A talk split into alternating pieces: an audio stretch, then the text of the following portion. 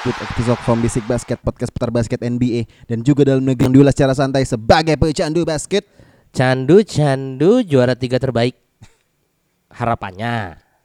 Indonesia nih, eh, kita tahu nggak buat football right? Ya, Ya. ya, ya. Ini kalau kita ngomongin bola ya Heeh. Indonesia ini sebenarnya lagi di play-in turnamen Iya, iya. Iya kan? Iya, benar, Do benar. or die gitu loh Do ya or kan? die, jadi- go, go big or go home gitu Mm-mm. kan Kalau misalnya lu hoki ya lolos, Ya. ya, kan? Kebetulan pemain Indonesia ada yang namanya Hoki Caraka Ya. Kebetulan ya kan Hoki Iya, iya, iya. tapi nggak dimain-mainin Mm-mm. Makanya kalah Ji Hmm, gak hoki soalnya. Nggak hoki iya, kebanyakan makan siomay. Siomay hoki soalnya. sorry, sorry, sorry. Gue minum teh dulu ya Oke, siap. siap. Seperti biasa dipandu sama gue di Masyoda Eke Dimsu dan tadi Doda Ramzi Alam Eke Duzi Eko Komen Krem JK Jontor juga JK Boom, boom, boom. Wak wak wow Ji Ah.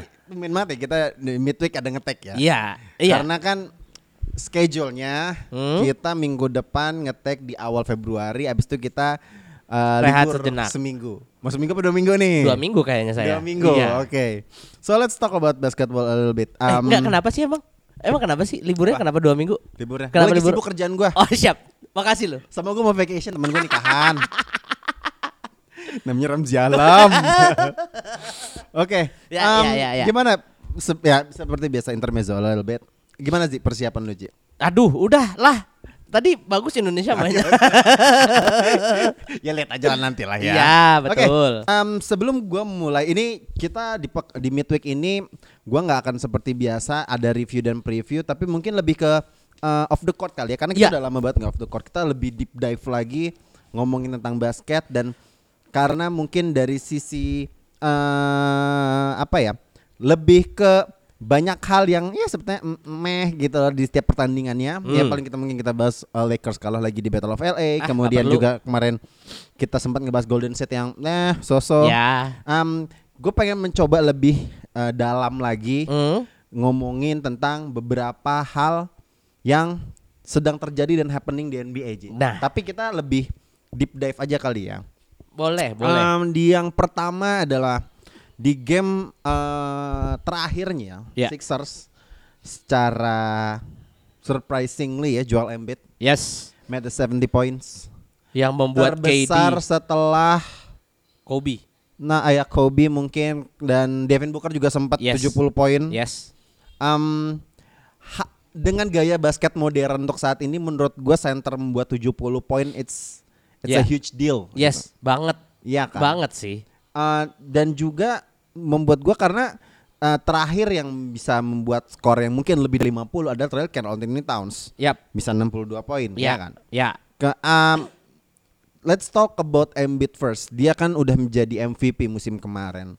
Um, dengan sedikit adjustment yang dilakukan dari Sixers dan kemudian gua melihat bahwa memang wajahnya Sixers adalah Joel Embiid ya. Dari sejak trust the process pertama hingga saat ini udah sekian tahun Ya. pemain yang nggak pernah tergusur dari Sixers adalah Joel Embiid. gitu. Yes. Dan buahnya juga jelas gitu membuat Embiid menjadi MVP dan Sixers juga menjadi langganan playoff gitu. Mm-mm. Tapi lu bisa melihat meaning dari Embiid udah menjadi MVP dan bisa mencetak 70 poin lo bigger picture-nya apa? Maksudnya apa yang lu lihat lebih dalam lagi untuk Sixers sendiri gitu? Gua melihat ini sebagai udah mulai terjawab nih bahwa proses-prosesnya tuh udah mulai bahwa uh, if you want to trust the process ya you have to trust the process gitu loh. Hmm. Bahwa prosesnya itu ya prosesnya yang membuat ya ya si siapa si Sixer sendiri gitu loh. Bukan dengan lu nge-trade mengambil Butler, deng bukan dengan lu ngambil James Harden saat itu di saat sekarang ini udah kelihatan banget maksudnya ini buahnya tuh udah mulai berhasil dan menurut gua Joel Embiid juga mungkin bisa menjadi jawaban dari Sixers tapi gue masih berharap eh, ada sesuatu yang bisa lebih dan maksudnya gue nggak gua nggak berharap untuk dia secara konsisten nge, nge- nyekor 70 ya cuman Ya, maksudnya itu one of mm-mm. dan gue selalu melihat Embiid ini punya eh, histori yang jelek banget di saat bertemu dengan yang namanya gue gue nggak mau bilang eh, playoff tapi eh, do or die games. Hmm. Jadi di saat either itu playoffs either itu in season tournament dia melempem pasti. Jadi eh gua gue berharap untuk dia mendapatkan apa ya namanya ya kayak spark itu juga gitu loh. Maksudnya di baik di regular season dan juga nanti di playoffs juga gitu loh. Karena nggak tahu gue gue melihatnya gini. eh dia bisa 70 poin ini eh gue nggak tahu ya. Ini opini yang gue lihat ya. Hmm. Dia kayak cuma pengen nunjukin ke dunia, oh gini doang nih Wembenyama. Damn, that's a bold statement, bro. Menurut gua ada ada ada ada ada percikan seperti itu juga gitu loh. Oh gini doang Wembenyama. Karena menurut karena kalau lu lihat ada satu klip dia itu pas lagi warm up, dia kayak sebelahan gitu sama si Wemby kayak Ya. oh iya, ya udah ya dia lebih tinggi gitu loh. Hmm, hmm. Nggak kayak Kelly Oubre yang ngukur tingginya. Anjir gue Iya, cuma seketek kayak Wembanyama. iya, iya, iya. Iya, kalau Kelly Oubre kan emang ya emang emang emang seketeknya doang gitu loh. Cuman gua nggak gua melihat Embiid ini apa ya? Eh ada target di saat game melawan San Antonio Spurs ini gitu loh. Makanya dia kayak wah gahar banget gue lihat teh gitu. Jadi eh, menurut lo hal yang membuat Joel Embiid mendapatnya 70 poin ya of course karena effortnya dia dan Ya. ya kita tahu kapabilitasnya Joel Embiid seperti apa gitu loh. Betul. Tapi ada pesan yang ingin disampaikan ke halayak bahwa I'm one of the best. Maybe I'm the best center in the world. Iya, menurut gua apalagi kan ini kan sekarang lagi ini lagi lagi booming boomingnya player pool buat timnas USA ke Olimpiade. Ya. Nah kan dia masuk salah satu namanya di situ kan. Ya, ya. Nah itu juga menurut gua kayaknya oh ini apakah ini sebuah pertanda gitu. Kita eh, kalau ngomongin tim USA ya menurut Hmm. gua itu bakal eh, eh, Avengers Assembled sih. Iya, iya, iya. ya kan. Nama- Banget. nama-nama besar. Tapi kita ntar akan bahas itu juga. Em, kalau buat gua gua beropini gua adalah Ya. Em- Embiid memang ya ya udah kita udah pastikan lah bahwa dia memang center terbaik di NBA karena buat gua pribadi tanpa tanpa mendiskreditkan Jokic tapi preferensi gua dalam bermain basket gue lebih suka bawa center dengan footwork yang bagus bisa bermain bully ball buat gua itu adalah center yang bener-bener mumpuni gitu loh. Ya. dan itu semua dengan footwork yang baik, dengan gaya bermain center yang pa- pakem konvensional yang masih sangat dipakai dan keti- dan bisa bermain dan sangat mendominasi di pen area ya menurut gua tiga kriteria tersebut semuanya ada di Embiid. Ya. And he's doing great. Ya. Dalam artian dia udah berpengalaman dan juga memang memang dia juga menunjukkan dirinya bahwa ya MV dia mendapatkan MVP kemarin bukan bukan karena ya emang yang lain yang nggak bagus ya, Hmm. emang karena dia membuktikan dia memang center yang terbaik gitu Ya. loh.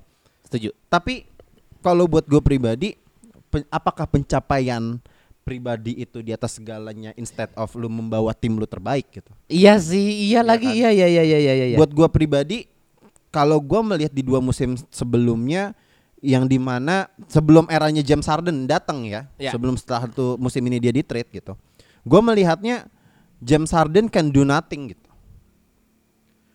Untuk karena Sixers. ada karena ada Embiid.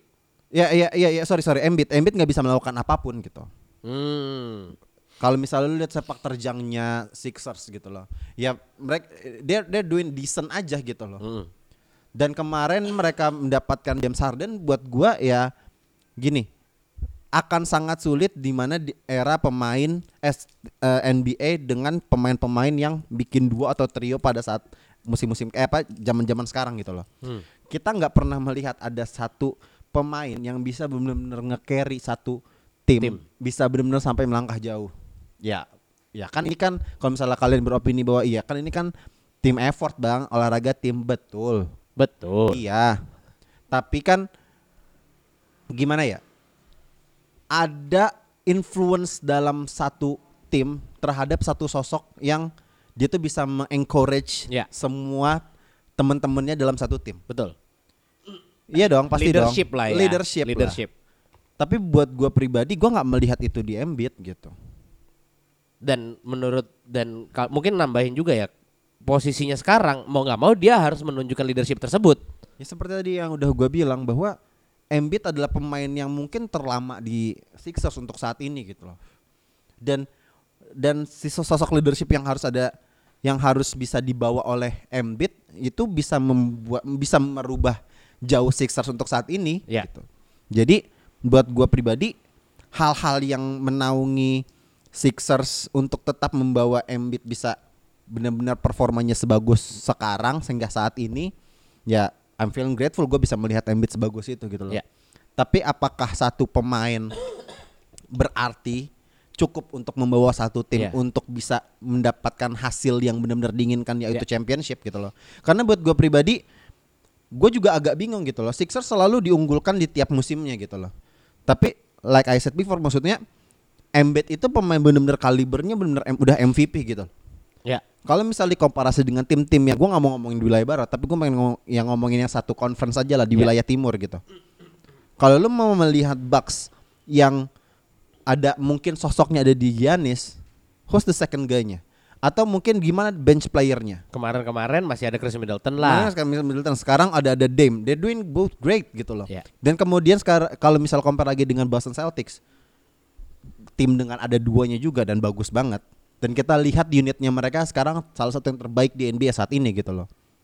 Kalau misalnya menyontek dikit ngelihat ya mungkin kayak New York Knicks dan juga mungkin seperti em, siapa lagi? Mungkin bisa dilihat Hawks gitu.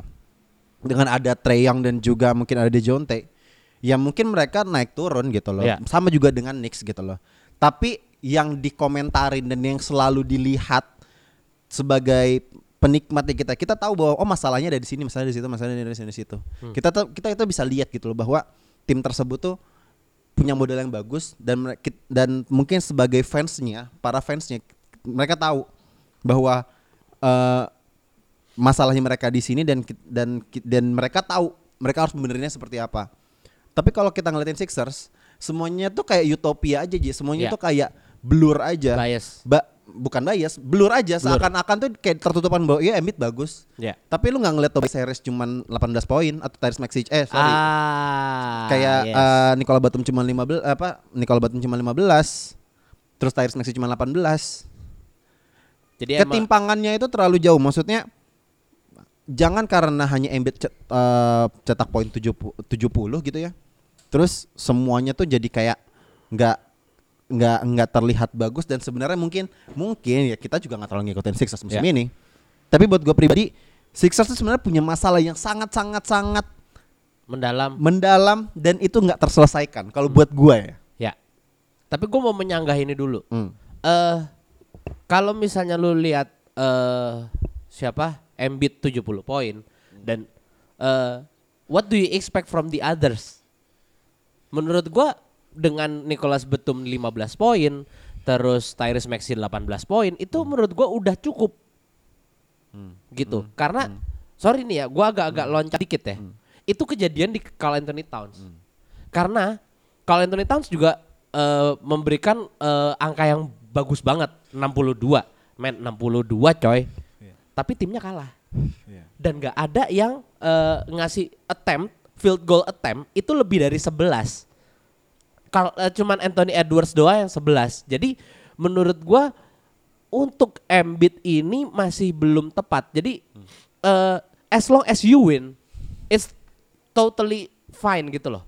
Tapi kalau misalnya lu udah eh, apa namanya ngasih ngasih poin gede tapi lu jadi beban juga at the same time menurut gue itu yang jadi masalah. Bahkan kan eh, pelatihnya Minnesota kan bilang kayak ini immature banget dari Adrian Anthony Griffin Towns ya? Pelatihnya siapa sih? Iya. Adrian Griffin bukan Adrian Griffin pelatihnya Bucks. Bucks eh, mantan pelatihnya Bucks. Mantan pelatihnya Bucks, Ya. sorry, sorry. Pokoknya eh, pelatihnya tuh bilang ini immature dari Carl Anthony Towns karena eh, lu jadi step header banget. Hmm. Gitu loh. Dan eh, menurut gua kalau misalnya lu menang itu aman aja. Gitu loh. Nah, Joel Embiid ini kan masih bikin menang nih seenggaknya. Gitu. Sedangkan Carl Anthony Towns tuh menurut gua itu yang jadi memang secara secara posisi di wilayah memang eh Timberwolves oke tokcer banget. Cuman di di game ini gitu yang bermasalah gitu menurut gue. buat gua sebenarnya eh, hal yang sebenarnya yang tadi gua sampaikan adalah itu tadi tuh sebenarnya sama apa dengan yang lu maksud J. Dalam artian sebenarnya Sixers nggak kenapa-napa, iya. Ya. Sekarang juga di peringkat tiga wilayah timur gitu loh dengan kemenangan 29 dan 13 kali kalah gitu loh. They doing just fine gitu. nggak apa-apa. Tapi kita akan melihat same result nanti di playoff gitu sama aja. Ah. Siapa yang bisa membantu Embiid gitu? Ha, who's the second guy? Kalau kemarin ada James Harden, tapi secara chemistry ataupun koneksi mungkin tidak terlihat gitu lah. Karena ya ya mungkin karena James Harden the system yang kayak kemarin udah gue bilang, biarkan offense-nya bermain dari ge- apa eh, pola Harden bisa kan dibilang ya, pola Harden dan yang lainnya do the rest gitu lah. Tapi dengan seperti itu oke kalau misalnya kita implement- implementasikan terhadap Sixers, kalau misalnya emang pengen bikin bikin let's say Embiid system, tapi yang semua empat yang lain tuh bisa mengikuti nggak? Kalau menurut gue dari dari sekian lama Embiid berada di sana dan- Sixers Harusnya pun udah juga dapet. harus udah bisa karena Iya. tapi memang mungkin terlalu sering banyak perombakan dan selalu ada pemain-pemain yang menurut gue Copot pasang. copot pasang yang di mana-mana unit-unit pemainnya tuh benar-benar seakan-akan nggak nggak nggak works dengan sistemnya gitu loh. Iya. Hanya ya ya bisa dibilang ya pemain yang benar-benar nge-support Embiid gitu. Nah, kalau misal tadi lu ngomongin tentang Carl Anthony Towns, kenapa tadi gue bilang secara utopia terhadap Sixers yang hanya melihat seorang jual Embiid? Kalau Minnesota ya udah oke, emang kita sebelumnya tahu bahwa ada Carl Anthony Towns di sana. Nah. Tapi di beberapa musim terakhir kan spotlightnya tidak ada di dia gitu loh. Ya. Nah, gue but menurut gue tuh penting dan perlu untuk melihat bahwa satu tim itu nggak hanya dari satu sosok pemain aja gitu loh. Jadi di saat mungkin dia pemain yang sims off, ya mungkin satu lagi pemain yang ya seperti yang yang lu kenal lah. Maksudnya beberapa musim terakhir Anthony Towns mm, bener-bener menjadi leader scorer ya untuk Minnesota gitu. Tapi sebelum adanya Anthony Edwards kan ada Carl Anthony Towns. Nah, Ya. Pro, nah, kalau misalnya seperti itu, kalau misalnya Anthony Edwards udah bisa menjadi pendulang utama poin, emang kalau Anthony Edwards nggak bisa menjadi pendulang poin juga? Ya. Bisa kan? Nah, masalahnya adalah di Sixers, di Sixers siapa? Second guy-nya. Second guy-nya siapa? Berarti keresahan lu adalah just like eh, ibaratnya nih Giannis tanpa Chris Middleton gitu. Iya, Ibaratnya cuma ada like Giannis doang itu terus Chris aja. Middleton mau ngapain? Nah, kalau misalnya lebih, Gitu kan. lebih lebih dalam lagi, buat gua pribadi Bucks tuh punya kedalaman yang squad yang sangat bagus. Ya. Kalau Sixers menurut gua ya mungkin karena kemarin efek trade-nya James Harden ya dan juga mungkin dengan beberapa trade-nya yang sebelumnya mungkin ada Ben Simmons atau Ya. terlalu banyak pertukaran-pertukaran pemain yang menurut gua Yang masif ya. dia works nggak sih kayak Iya. gitu. Sempat kemarin ada ada jual M apa sorry bukan bukan jual NBA center kemarin ada Dwight Howard sempat ada di di Sixers sebelum dia bermain overseas kan. Buat gua terus kemudian juga sempat ada eh, Danny Green. Buat gua kayak ini lu mau kayak ngapain sih kayak Iya. gitu. Itu tuh era-eranya Doug Rivers kayak gitu gitu. Jadi buat gua pribadi Sixers tuh Iya, lu emang lu konsisten berada di papan atas wilayah timur gitu loh. Tapi lu gak akan Tapi end, end goal lu seperti apa sih? Itu yang menurut gue masih gue masih bingung dan masih mencari jawabannya hingga sekarang. Ya, ya. Tapi kalau buat Sixers get better lah, seenggaknya dengan Joel Embiid yang leadership sisi leadershipnya udah mulai kelihatan. Menurut gua dia udah lebih baik, jauh lebih baik sekarang. Dan daripada waktu dia harus membagi spotlight sama Ben Simmons, sama James Harden, sama Jimmy Butler, menurut gua ya bener balik mungkin ke second guy-nya aja. Tobias Harris need to step up sih. Kalau emang kalau misalnya kita melihat bahwa uh, who's the second guy, buat gue pribadi mungkin yang mendekatnya ada Tyrese Maxey. Tyrese Maxey. Karena uh, dia udah sekian mungkin beberapa musim terakhir buat gua dia udah menunjukin gitu. As a as a guard yang bener-bener bisa membantu Sixers gitu Yeah. loh. Tapi balik lagi, apakah Tyrese Maxey knows the system dan how play alongside with Embiid bener-bener bisa mensupport atau enggak? In a long term ya. Iya, karena kalau misalnya gue beberapa kali nonton main gamenya Sixers, bener-bener nggak ada bermain tactical yang bener-bener Iya. sangat pakem gitu loh Ya. akan selalu kalau ya ini mungkin mungkin tipikal lu hanya punya satu all, satu pemain bintang kali ya. Ya. Yang di mana sistemnya adalah you play with this all with this player atau you play you set the play without this player. Ngerti nggak? Oh ya. Jadi ada dua approachment kalau buat gue kalau buat gue yang gue gue lihat dan gue amati gitu. Jadi antara pakai Embiid atau enggak? Ah, iya, Nggak antara pakai pakai sama sekali. atau lu atau pakai lu Embiid sama sekali. nggak pakai Embiid gitu Iya. loh. Nah, buat gua itu adalah lu lu nggak punya pakem yang jelas dalam lu bermain gitu. Ibaratnya lu satu, Kebaca satu sama mainnya. empat gitu Iya. loh. Ngerti gak sih? Iya iya iya. Gitu. Jadi buat gua pribadi, kalau misalnya gua melihat Sixers tuh selalu kalau misalnya bola di Embiid pasti dia yang eksekusi. Iya. Tapi kalau misalnya Embiid bermain ya, ya, ya mungkin pick and roll abis itu roll out dalam ataupun misalnya dia roll out apa sorry, so roll in ke dalam dan abis itu roll out keluar atau nembak atau bermain sendiri dengan ya bermain post up. Ya. gue nggak melihat unit unit lain kayak kayak Batum ataupun Tobias Harris yang benar-benar bisa mengeksekusi gitu loh. Iya. Kalaupun ada kesempatannya buat gue pribadi juga apakah terasa. mereka bisa mengutilize? nggak terasa Kalau gue pribadi sih tiga ya kayak ya mungkin sekarang siapa yang yang benar-benar eh, jadi starting five yang mungkin ada Tobias, kemudian ada Tyrese. apa? Tyrese dan juga ada Batum. Gue sih akan tetap yakin ke Tyrese gitu loh. Ya. Ya, karena ya dia adalah scoring option yang untuk saat ini yang kedua gitu loh. Kalau gue kalau gue sih melihatnya gitu. Jadi emang yang kit yang garis besarnya adalah buat gue nih Sixers lu tuh bagus tapi utopianya itu dalam artian lu melihat bahwa Embiid memang bagus tapi lu sebenarnya tahu dan lu ditutupin dengan kebiasan ya, dari si Embiid bagusnya Embiid bahwa di baliknya itu lu sebenarnya punya masalah. Ya dia- kalau mungkin yang gua lihat sebagai kacamata awam lu nggak bisa melihat Embiid sebagai pemain yang membantu unit lu karena, Karena lu terlalu mengutilize Embiid gitu. I think so. Karena karena bedanya jauh banget. Ke points per gamenya Embiid 30 po- 35 points per game. Timpang which ya. good, which is good. ya Yang kedua adalah Tyrese Maxey cuma 22 points atau 25 points per game. Jadi buat gue pribadi lu punya pemain yang sangat bagus banget. Kemudian yang kedua cukup bagus, yang ketiga ya ya kalau nggak salah si Tobias cuma 11 poin atau 17 points per game. ya Ya sebenarnya bagus kan, tapi kalau misalnya bench playernya gimana? Ya sulit kan. Kalau gue lihat sih bench player tuh points per gamenya tuh nggak ada yang nggak ada yang sampai Double double, digit. Ya, ya, ya benar. Paling gede dalam Marcus Mo- apa ma- apa Marcus Morris. Oke. Oh iya ada Kylie Oubre. Kylie Oubre 12 points per game.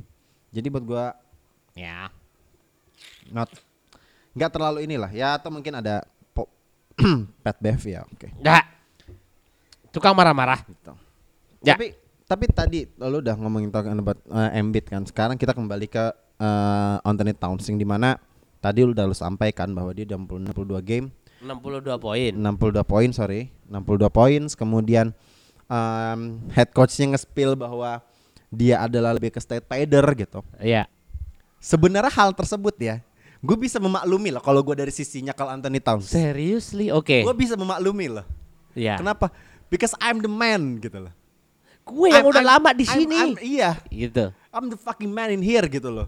Gua gua gua gua agit di sini, men. aing agit Aing agit, men, gitu loh. Ya, ya, ya, ya, ya, ya, Agit tuh maksudnya kalau bahasa Ya. anak jaksel anak ketiga apa eh, kelas 3 gitu ya. Anak kelas tiga. Anak kelas 3 lah, abang-abangan lah, senior lah bisa gue ibaratnya lah. vet di sini asik Iya. Lu semua utas sama out gua, men. gitu. Anjay. Bagi duit. ya ini ada goceng lo gitu. mau tahu gimana jadi satu bungkus Nah, itu abang-abangan kere.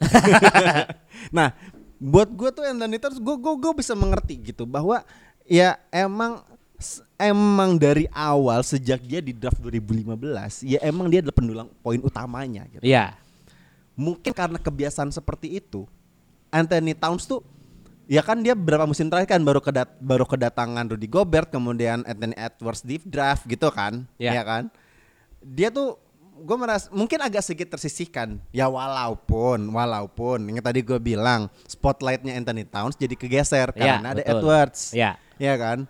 Tapi buat gue ya gue ngerti gitu. Karena gue emang gue juga bisa poin gitu. Ya. Gue juga bisa poin gue bisa 60 poin dan tim gue menang gitu. Kalah cok itu.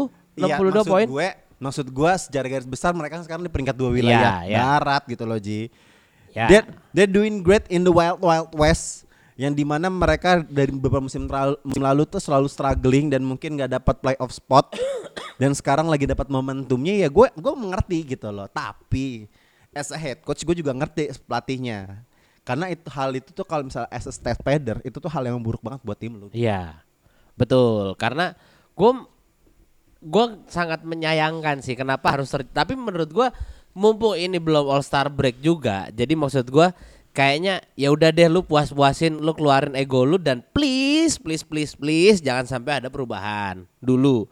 Karena kayak ibaratnya tuh issue warning aja gitu loh.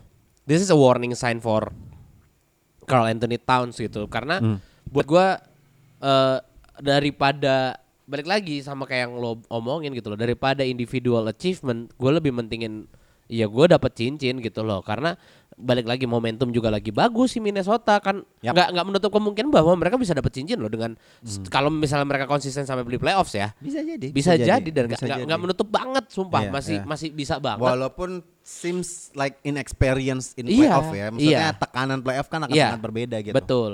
Nah, gue sih sangat menyayangkan aja gitu loh di game ini karena eh, terlalu mungkin yang gue lihat adalah dia tidak menjalankan apa yang diharapkan oleh si pelatih ini. Karena menurut gue ya sekarang gini deh lu lu udah ngasih skema permainan untuk lu menang gitu loh. Tapi nggak dijalanin kan ya lu gedek juga gitu loh. Iya, gampangnya kan gitu. Iya. gitu Kalau gua dulu main basket ya. Waktu dulu gua high school main basket. Eh, Kalau misalnya gua nggak nggak sesuai skema, gua digampar. nah nah ini kan Tapi gue masalah juga beda sama Anthony Towns. Eh, Anthony Towns bisa nyetak 60 poin, gue 10 poinnya nggak bisa.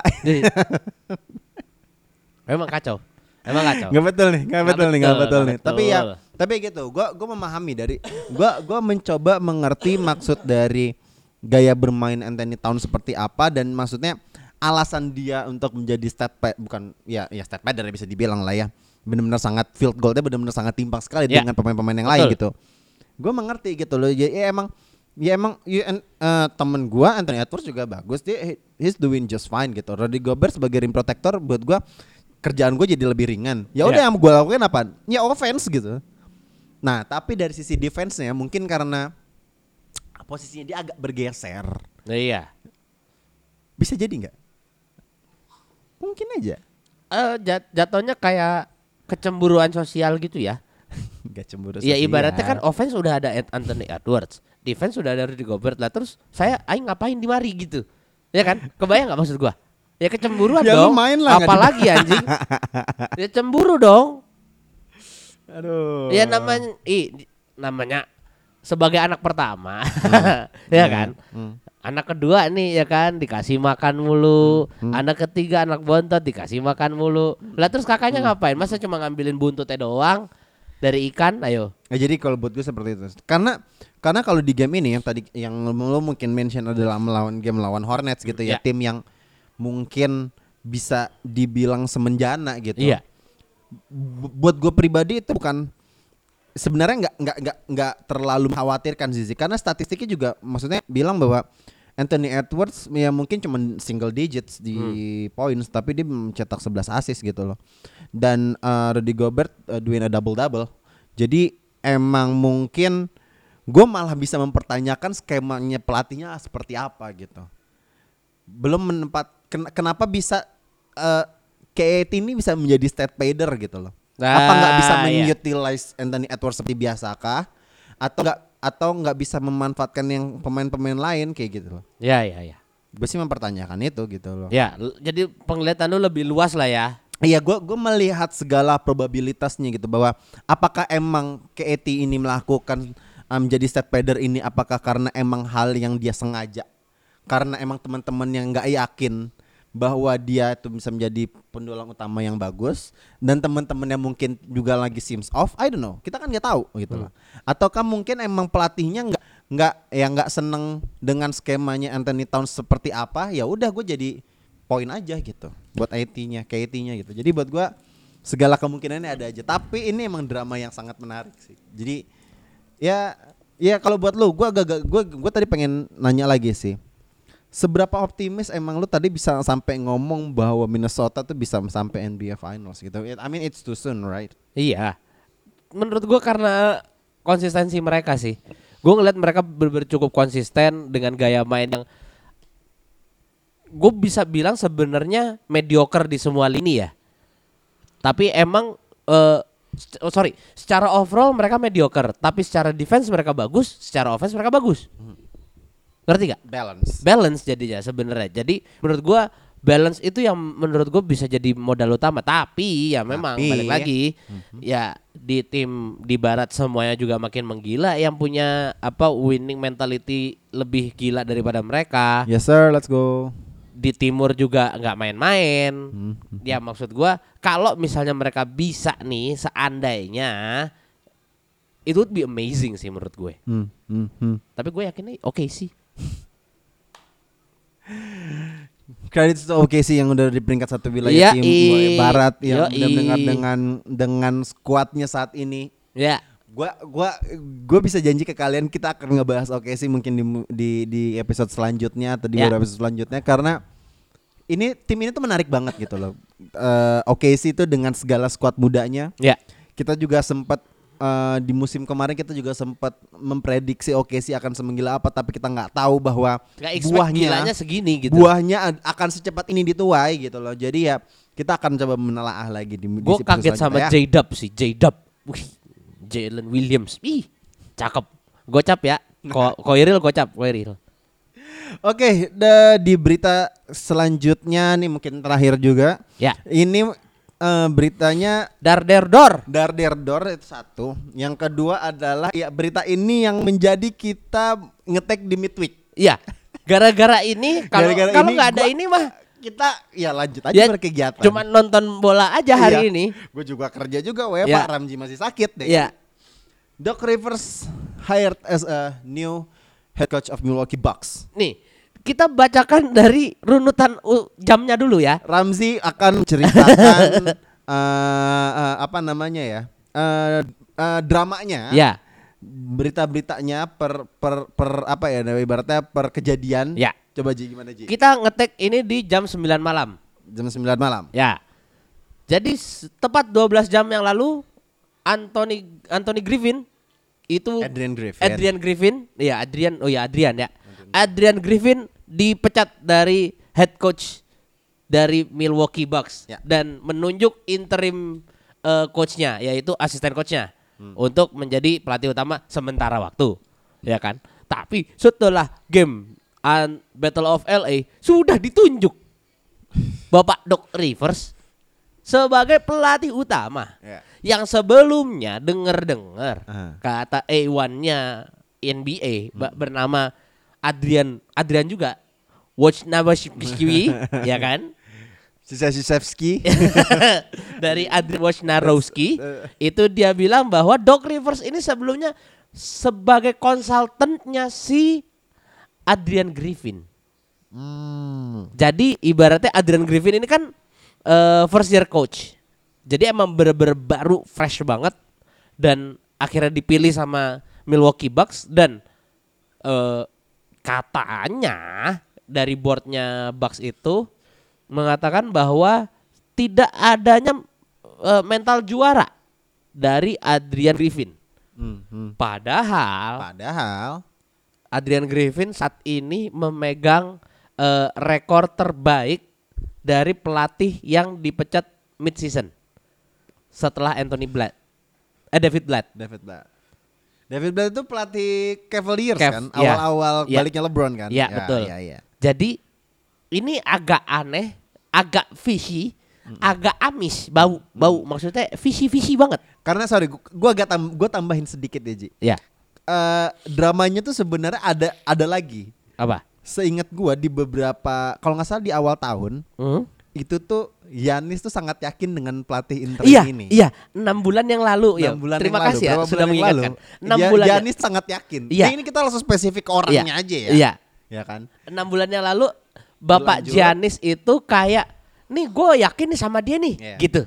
Ya lanjut. Iya. Kemudian eh satset satset satset berita keluar bahwa eh, Yanis dan tim, gue membawa tim nih ya, Iya. Nggak punya kepercayaan terhadap pelatih. Iya. Nah, itu itu agak-agak fishy lagi tuh. Ya. Lebih drama lagi dong, Ya. ya kan? Ya kayak gitu sih sebenarnya sih. Jadi ya, ya Ya. lanjutin. Jadi buat gua ya gitu sih. Jadi eh, langsung aja kita ke eh, hasil akhirnya ya. Ya. Second round exit. Gini ya, Ramzi ya. Dan Bucks sih mungkin ya. Tolonglah. Bawa apa sih dia tuh? Oke, gua tahu dia bawa juara Boston Celtics uh, in seven game series melawan the, the Mighty Lakers pada saat itu ya, Ya. 2008. ya. But look at the squad, bro. I mean like Rondo. Rondo, kemudian Allen, kemudian Paul Prime Pierce. KG. Ya Paul Pierce, Ya. Ray Allen, Ya. uh, Glenn Davis. Kendrick Perkins pada waktu itu. Iya itu iya iya. juara loh. waktu itu. Iya iya iya. Ya, j- Nah, buat gua pribadi itu suatu achievement yang sangat-sangat bagus gitu loh untuk untuk untuk Doc Rivers kita. Tapi setelahnya seperti apa? Iya, betul. Di Clippers. Kemudian abis itu pindah ke Sixers. Eh, ya kan abis Iya, Clippers ke dia Sixers. ya. Iya. Apa yang dihasilkan gitu. Ada eh depannya N, belakangnya L kalau nggak salah. Nihil apa kalau nggak salah. Tapi gue gua gua gua gua cukup yakin bahwa Doc Rivers itu adalah pelatih yang sangat-sangat mumpuni dalam artian Iya. he knows how to utilize the players gitu loh. Dan punya skema bermain yang mungkin cukup cerdas dan bisa membawa tim itu bisa bisa bener-bener menjadi asset tim gitu loh. Tapi so far ya kita se- sebagai kacamata awam dan mungkin melihat sebagai end resultnya, gue merasa ah Doc Rivers kayak lu yakin gitu. Lu Ya. lu, ma- lu yakin maksud gua hanya bertanya lu yakin berjudi dengan pemain ah, dengan pelatih ini gitu loh.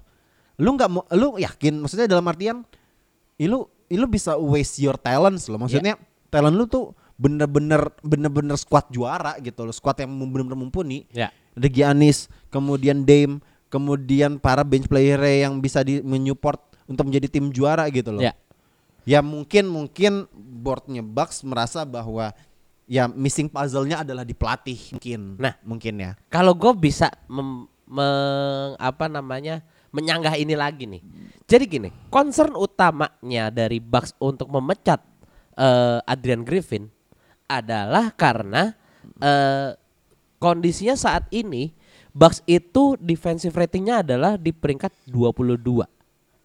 Sedangkan musim kemarin di peringkat 4.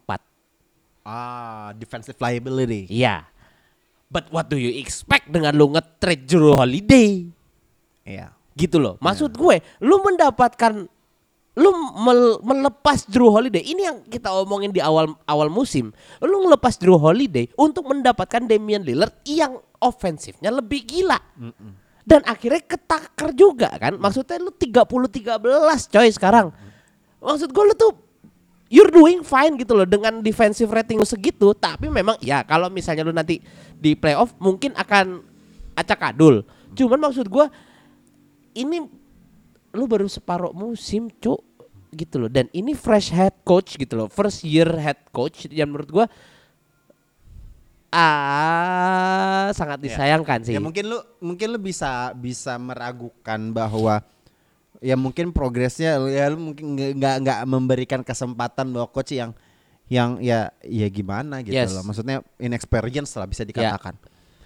Tapi memang yang tadi gue udah bilang bahwa asetnya dan aset yang dimiliki Bucks itu emang aset juara gitu loh Ji. ya dan gue juga sempat dengar juga bahwa eh, karena sempat hilang respect ya kan sama Adrian Adrian Griffin ini kan hati baru Nggak respect gue udah. nggak respect respectnya di udah hilang respect jadi ya udah nggak bisa apa maksudnya gini lu nggak ada jadi kalau misalnya lu ketemu sama eh, veteran coach gitu ya ibaratnya ya lu pasti akan ada kayak misi mas gitu lah ibaratnya misi pak gitu Misi emas lagi. ada ada kayak eh eh, izin pak gitu misalnya ya nah ini kan karena dia baru jadi as, acak adul maksudnya Ya, bener-bener mungkin ya mungkin emang ya yang leadership kan gak harus hanya dari pelatih eh, dari pemain aja pelatih juga harus punya sosok itu kan ya, sosok Ya. yang disegani gitu Itu, mungkin nggak diseganinya nah, itu. makanya itu tadi gue bilang bahwa mungkin missing missing puzzle-nya yang yang harus dilengkapi untuk